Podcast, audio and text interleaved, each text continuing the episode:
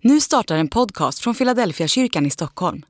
Om du vill komma i kontakt med oss, skriv gärna ett mejl till hejfiladelfiakyrkan.se.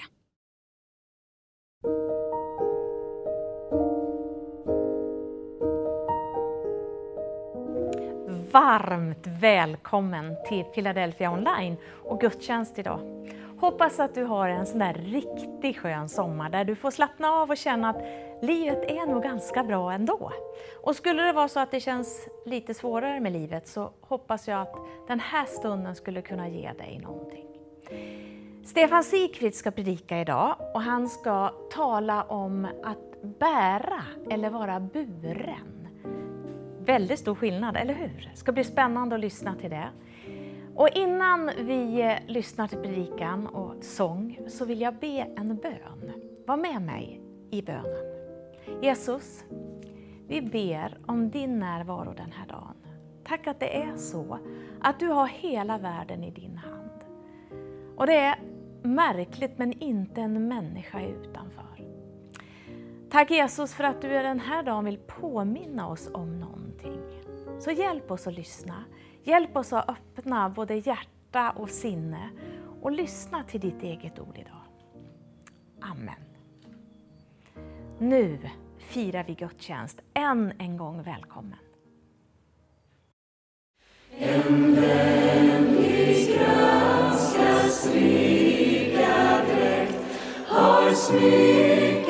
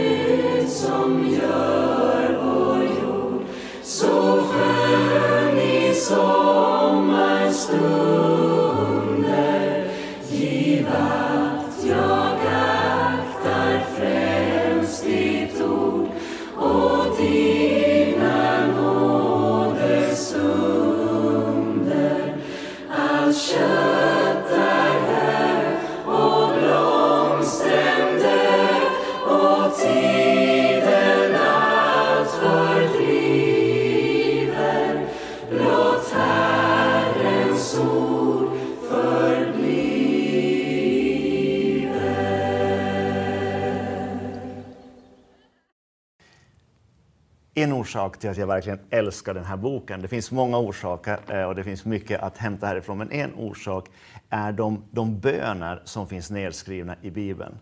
Eh, vi hittar mycket undervisning, vi hittar mycket historiebeskrivning och berättelser och sånt, men, men av och till så, så kommer det det människor har bett. Eh, orsaken varför jag tycker om det är för att när, när man ber, då, då syn, kommer verkligen ens hjärta fram. Vad är det man har på sitt hjärta? Det är ju det man, det är det man ber om.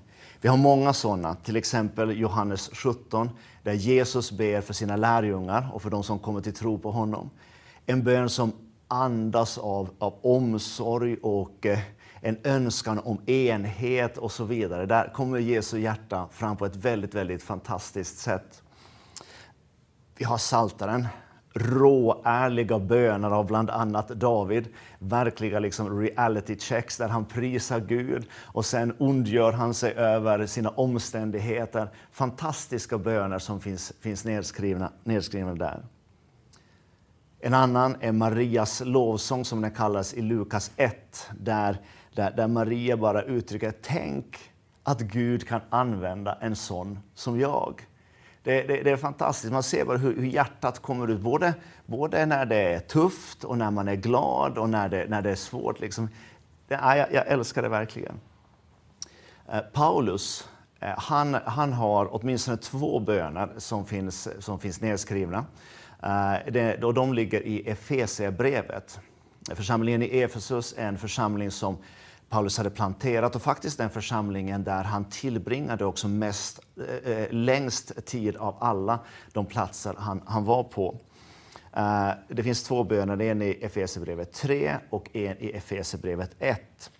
Eh, och I Efesierbrevet 1 så, så talar han om någonting som jag vill tala om här den här dagen. Nämligen, han ber eh, i Svenska folkbibelns eh, eh översättning så står det så här. Han ber att du och jag ska få en rätt kunskap om vem Gud är. Jag tänker så här, om man kan ha en rätt kunskap, då kommer man också ha en fel kunskap. Och viktigt blir det ju att verkligen ha en rätt kunskap om vem Gud är. Vad, vad tänker Gud? Och kanske ännu viktigare, vad tänker Gud om dig? Och vad tänker du om honom? Alltså på riktigt, inte, som, som kristna kanske man lär sig vissa fraser, man säger Gud är kärlek och så vidare. Och det, det är bra helt okej. Okay. Men, men vad tänker vi på riktigt när vi tänker om Gud och när vi tänker också på vad han tänker om dig och mig? Rätt kunskap, det blir rätt viktigt. Gud är ju en Gud som, som verkligen vill visa vem han är. Och vi kallar det att han vill uppenbara sig själv. Han gör det primärt genom två eller på tre sätt. Eh, det ena det ser vi när vi är här på Drakudden, eh, genom sin skapelse. Genom skapelsen kan man förstå att det finns en Gud. Man kan också eh, ana sig till hurudan den guden är. Till exempel, han, han skapar ju inte bara en blomma på ängen av samma sort, utan han skapar en mångfald av blommor. Olika färger, olika längd, olika, olika former. Liksom. Och det visar också på hurudan Gud är. Men lite mer att om man verkligen vill veta vem är den här, den här guden, hur, hur tänker han om mig och så vidare, så finns det, vad kallar skapelsen kallar man för den allmänna uppenbarelsen. Men så finns det en specifik uppenbarelse och det är den här boken, Bibeln där man där kan läsa genom Gamla testamentet och Nya testamentet så förstår man, så framträder en bild vem Gud verkligen är. Och jag tror det, det är ett sätt att lära känna honom och få rätt kunskap om vem han är. Men jag hävdar nästan att det finns en, ett, ett tredje sätt. Jag, jag har kallat det, jag vet inte om det är rätt, men jag har kallat det för den ultimata uppenbarelsen. Och den uppenbarelsen, den kunskapen om vem Gud är, den ser vi i Jesus Kristus. När vi läser om Jesus Kristus i, i framförallt evangelierna, då förstår vi på det tydligaste sättet Guds natur, vad Gud tänker, hur han tänker om oss. Jesus säger åt sina lärjungar när de, när de säger så att vi vill se Fadern. Och då säger Jesus, har ni sett mig? Då har ni sett Fadern. Och jag tror det, det är sant. Och därför brukar jag säga att läs fem gånger mera evangelier än du läser resten av Bibeln. Jag tror det är bra att läsa hela Bibeln, men jag tror det är ytterst eh, effektivt och ytterst hälsosamt att tillbringa väldigt, väldigt mycket tid i evangelierna. För då framträder, då frammejslas en, en rätt bild av vem Gud är. Uh, Gud, Gud han är ju Gud. Oavsett vad jag tänker om honom, oavsett om jag har en rätt eller fel kunskap om honom, så är ju Gud den han är ändå. Men jag skulle vilja hävda att det, det avgörande för ditt och mitt liv, det är den bild vi har av, av Gud. Vem, blir min fråga nästan, vem är din Gud? Uh, som kristna så, så lär vi oss ibland att, att säga rätt sak. Men jag tänker nu när vi, när vi, när vi talar en, en, en sommarsöndag så tänker jag så här, gå lite djupare. Vem tänk, vad, hur tänker du om Gud på riktigt? Alltså vilken typ av ryggmärgsreflex kommer när du tänker på Gud? Är han en Gud som är lite besviken eller är han en Gud som pressar, som pushar? Eller vilken, hurdan är Gud? För jag tror att vår gudsbild är faktiskt det, det, det, på något sätt det djupaste nyckeln till vårt beteende. Någon har sagt så här, sådan Gud, sådan människa. Och jag tror verkligen det, det, är sant på så, så många sätt. Alltså den, den bild jag har av Gud kommer att forma hur jag är som människa. Har jag en Gud som är, jagar efter mig, som söker fel, som, som försöker sätta dit mig, så kommer jag också att bli lite sån själv. Men har jag en Gud som har förlåtit mig alla synder, har jag en Gud som är på min sida, har jag en Gud som söker efter möjligheter att välsigna mig, då kommer det också att prägla, prägla mitt liv. Vem är din Gud? Uh, ärligheten, som jag sa, den, den, är ganska viktig och den avslöjas ibland av våra ryggmärgsreflexer. Alltså det som, det som kommer spontant utan att vi behöver tänka efter. Eh, jag, hade en gång, eh, eller jag har en god vän som, som gick till, på samtal till en själavårdare. Och det här var en väldigt vis själavårdare som, som sa lite så här oförberett åt min vän. Vad tror du Gud tänker om dig? Och innan min vän hade på något sätt lagt, lagt, tillrättalagt svaret så säger min vän så här, ah, jag tror han är lite besviken. Och jag tror inte det är bara min vän som tänker så. Jag tänk, ibland tror jag vi, vi lite grann tenderar att tänka så också. Gud som är perfekt, han som har alla, alla rätt, liksom, han som kryssar alla boxar. Han, när han ser på ditt och mitt liv, ah, kanske han är ändå lite besviken. Och jag tror att det här präglar oss. Det, det, det präglar oss i allra, allra högsta grad. Ibland när jag som pastor och förkunnare ställer mig upp till exempel och säger så här, idag ska jag tala om hur viktigt det är att läsa Bibeln. Så ser jag ibland i mina åhörare att man säger, ah, jag borde läsa Bibeln lite mer. Eller om jag säger så här, idag ska jag tala om hur viktigt det är att be. Så instinktivt känner vi så här, ah, jag har bett lite, lite. Och, och, och den, den instinkten, den reflexen, den är rätt problematisk. För att den, den, den, visar oss lite grann det att vi tänker så att när jag har lyckats, då kan jag komma till Gud. När jag på något sätt har, har, har klarat av kraven, då kan jag komma till honom. Men när jag har misslyckats, då behöver jag distansera mig lite från honom. Då behöver jag flytta på mig tills jag har fått liksom, saker och ting uppredda. Och jag tror att det är verkligen inte så Gud hade tänkt. Eh, jag samtalade en gång, jag var på ett ungdomsläger, det här är ganska länge sedan, samtalade med en ung kille, han hade eh, något problem. Det var en ung kille, antagligen var det någon tjej, tjejproblem han, han hade. Men, eh, och, och han samtalade om det här och berättade sitt problem och så vidare. Och så drar han en djup suck och säger så här. Och så ska man ju vara kristen också. Jag, jag tänkte när jag hörde det, nej. Det, det, på något sätt, hur vi får det om bakfoten. Att vara kristen, det betyder lite i hans värld, då, då, har jag också den liksom bördan att bära. Då måste jag bete mig på ett visst sätt, då måste jag lyckas med vissa saker. Nu har jag det här problemet och så måste jag vara kristen också. Jag tror att eh, kanske inte du har tjejbekymmer eller någonting annat, men jag tror att den här gudsbilden den, den är ganska vanlig för oss som människor som ofta är väldigt så här prestationsbaserade och prestationsinriktade. Sådan Gud, sådan människa. Därför tror jag att gudsbilden är någonting vi behöver arbeta på hela, hela tiden. Det finns ett ställe i, i eh, Jesaja, Jesaja 40 och 40 46 som kallas, kallas för tröstekapitlerna.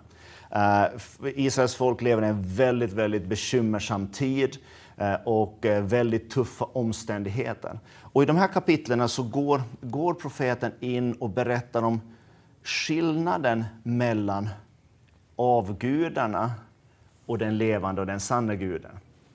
Skillnaden mellan vem Gud är och vem avgudarna är. Han säger till exempel att Gud, han ser, men avgudarna är blinda. Gud, han talar, men avgudarna är stumma. Och så vidare och så vidare. Och så kommer vi fram till Jesaja 46.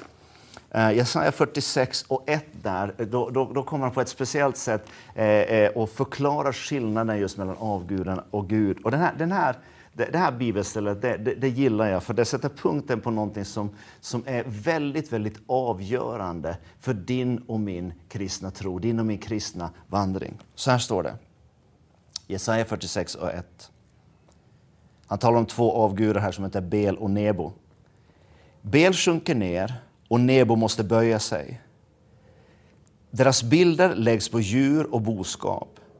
De som ni bar omkring är en belastning, en börda för den trötte. Tillsammans sjunker de ihop och böjer sig. De kan, eh, de kan inte rädda bördan, de måste själva gå i fångenskap. Och så switchar han och säger så här. Så hör mig nu, ni av Jakobs hus, alla ni som är kvar av Israels folk. Ni som har varit lagda på mig från moderlivet, burna av mig ända från moderskötet. Ända till er ålderdom är jag denne. Till dess ni blir grå ska jag bära er. Så har jag hittills gjort och även i fortsättningen ska jag stödja er och jag ska bära er och jag ska rädda er. Här ser du skillnaden. Eh, avgudarna, de måste man bära. Man lägger dem på, på, på, på djur, på boskapsdjur, man tar, man tar dem på, på, på vagnar. Och så står det att de är en belastning för den trötte. Eh, men, men med Gud var det precis tvärtom. Han säger, med mig är det så att ni har varit lagda på mig ända från moderlivet, burna av mig ända från moderskötet. Alltså här ser du en total skillnad Avgudarna, det är de man måste bära själv. Och det går ju an lite grann när man känner sig stark, när man känner sig på, på gång och så vidare. Men det står att det är en belastning för den trötta. Och när jag läste det här så tänkte jag, men vi har ju inga avgudar. Så tänkte jag, så här, jag vet inte om det är heretiskt att säga så här, men jag tänkte så att vår kristna tro kan i värsta fall bli en avgud. Om jag känner som min kristna tro, nu, nu, nu, måste jag vara en god kristen. Nu måste jag bära det här, nu måste jag bära min tro. Jag behöver vara ett gott vittnesbörd, jag behöver börja uppföra mig korrekt. Så blir det en belastning och en börda för den trötte. När Gud hade tänkt att det skulle vara precis tvärtom. Att nej, det är inte du som ska bära mig, det är jag som bär dig. Ända tills du blir grå så ska jag bära dig. Jag har hittills gjort det och i fortsättningen ska jag stödja, jag ska bära och jag ska rädda dig. Jag tror att den här bilden behöver vi arbeta med lite grann. Att hur tänker vi med den tro vi har? Är det vi som bär Gud eller är det Gud som bär oss? Skillnaden i de här två delarna är det att den första avguden, där finns det hela tiden en osäkerhet. Kommer jag att lyckas? Kommer jag att klara av det? Kommer jag att räcka till? Men i den andra bilden, där det kommer an på Gud, så in, inträder en, en trygghet och en säkerhet. Han kommer att bära mig. I eh, ett sista bibelord står i Filipperbrevet 1 och 6. Det är Paulus som säger det här igen. Han säger så här. Jag är övertygad om att han som har börjat ett gott verk i er han kommer också fullborda det in till Jesu Kristi dag. Då tänker jag så här, hur kan Paulus vara så säker? Vi tror också att han skriver det här till oss, inte bara till församlingen i Filippi. Hur kan han vara så säker att, att Gud kommer att fullborda det verket, att jag kommer att lyckas i min kristna vandring? Han känner ju inte mig. Nej, han känner inte mig, men han känner honom. Varför kommer det att gå bra? För att jag är så bra på att bära Gud? För att jag är så bra på att vara kristen. Nej, därför att han bär mig. Om den bilden får etsa sig djupt in, inte bara i det vi säger, utan etsa sig djupt in här, tror jag att det kommer att hålla hela vägen. Och din kristna tro kommer inte att bli en belastning, utan den största välsignelsen. Vi ber tillsammans. Jesus, vi tackar dig. Därför att du kom för att visa vem, vem Fadern är. Fader, jag tackar dig för att du är den som bär, du är den som lyfter, du är den som stöder. Herre, den som har fått en felbild om dig. Herre, jag ber att vi ska få nya bilder av en Gud som alltid finns där. En Gud som alltid är på vår sida och en Gud som alltid har förmågan att trots omständigheter, trots situationer vi befinner oss i, kan bära oss hela vägen. Du som har börjat ett gott verk i oss, du kommer också att fullborda det inte Jesu Kristi dag. Vi tackar dig för det. I Jesu namn. Amen.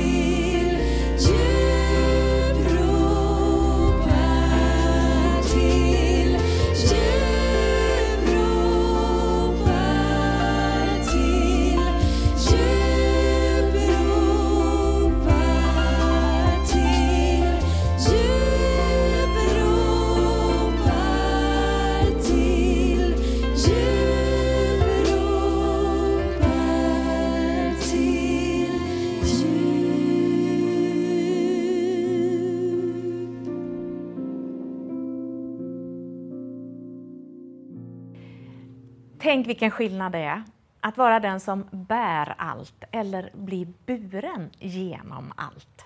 Tack Stefan för alla de tankar som du gav oss. Jag vill understryka det där som nämndes ifrån Jesaja, där det står så här. Ännu när ni blir gamla är jag densamme. Ännu när ni grånat ska jag bära på er. Jag ska lyfta, bära och rädda er. Vilket löfte ifrån Gud! Du behöver inte bära. Han ska lyfta, bära och rädda dig. Ta med dig det under veckan som ligger framför, under året som ligger framför, under livet som ligger framför. För det är något som bär dig. Låt oss be.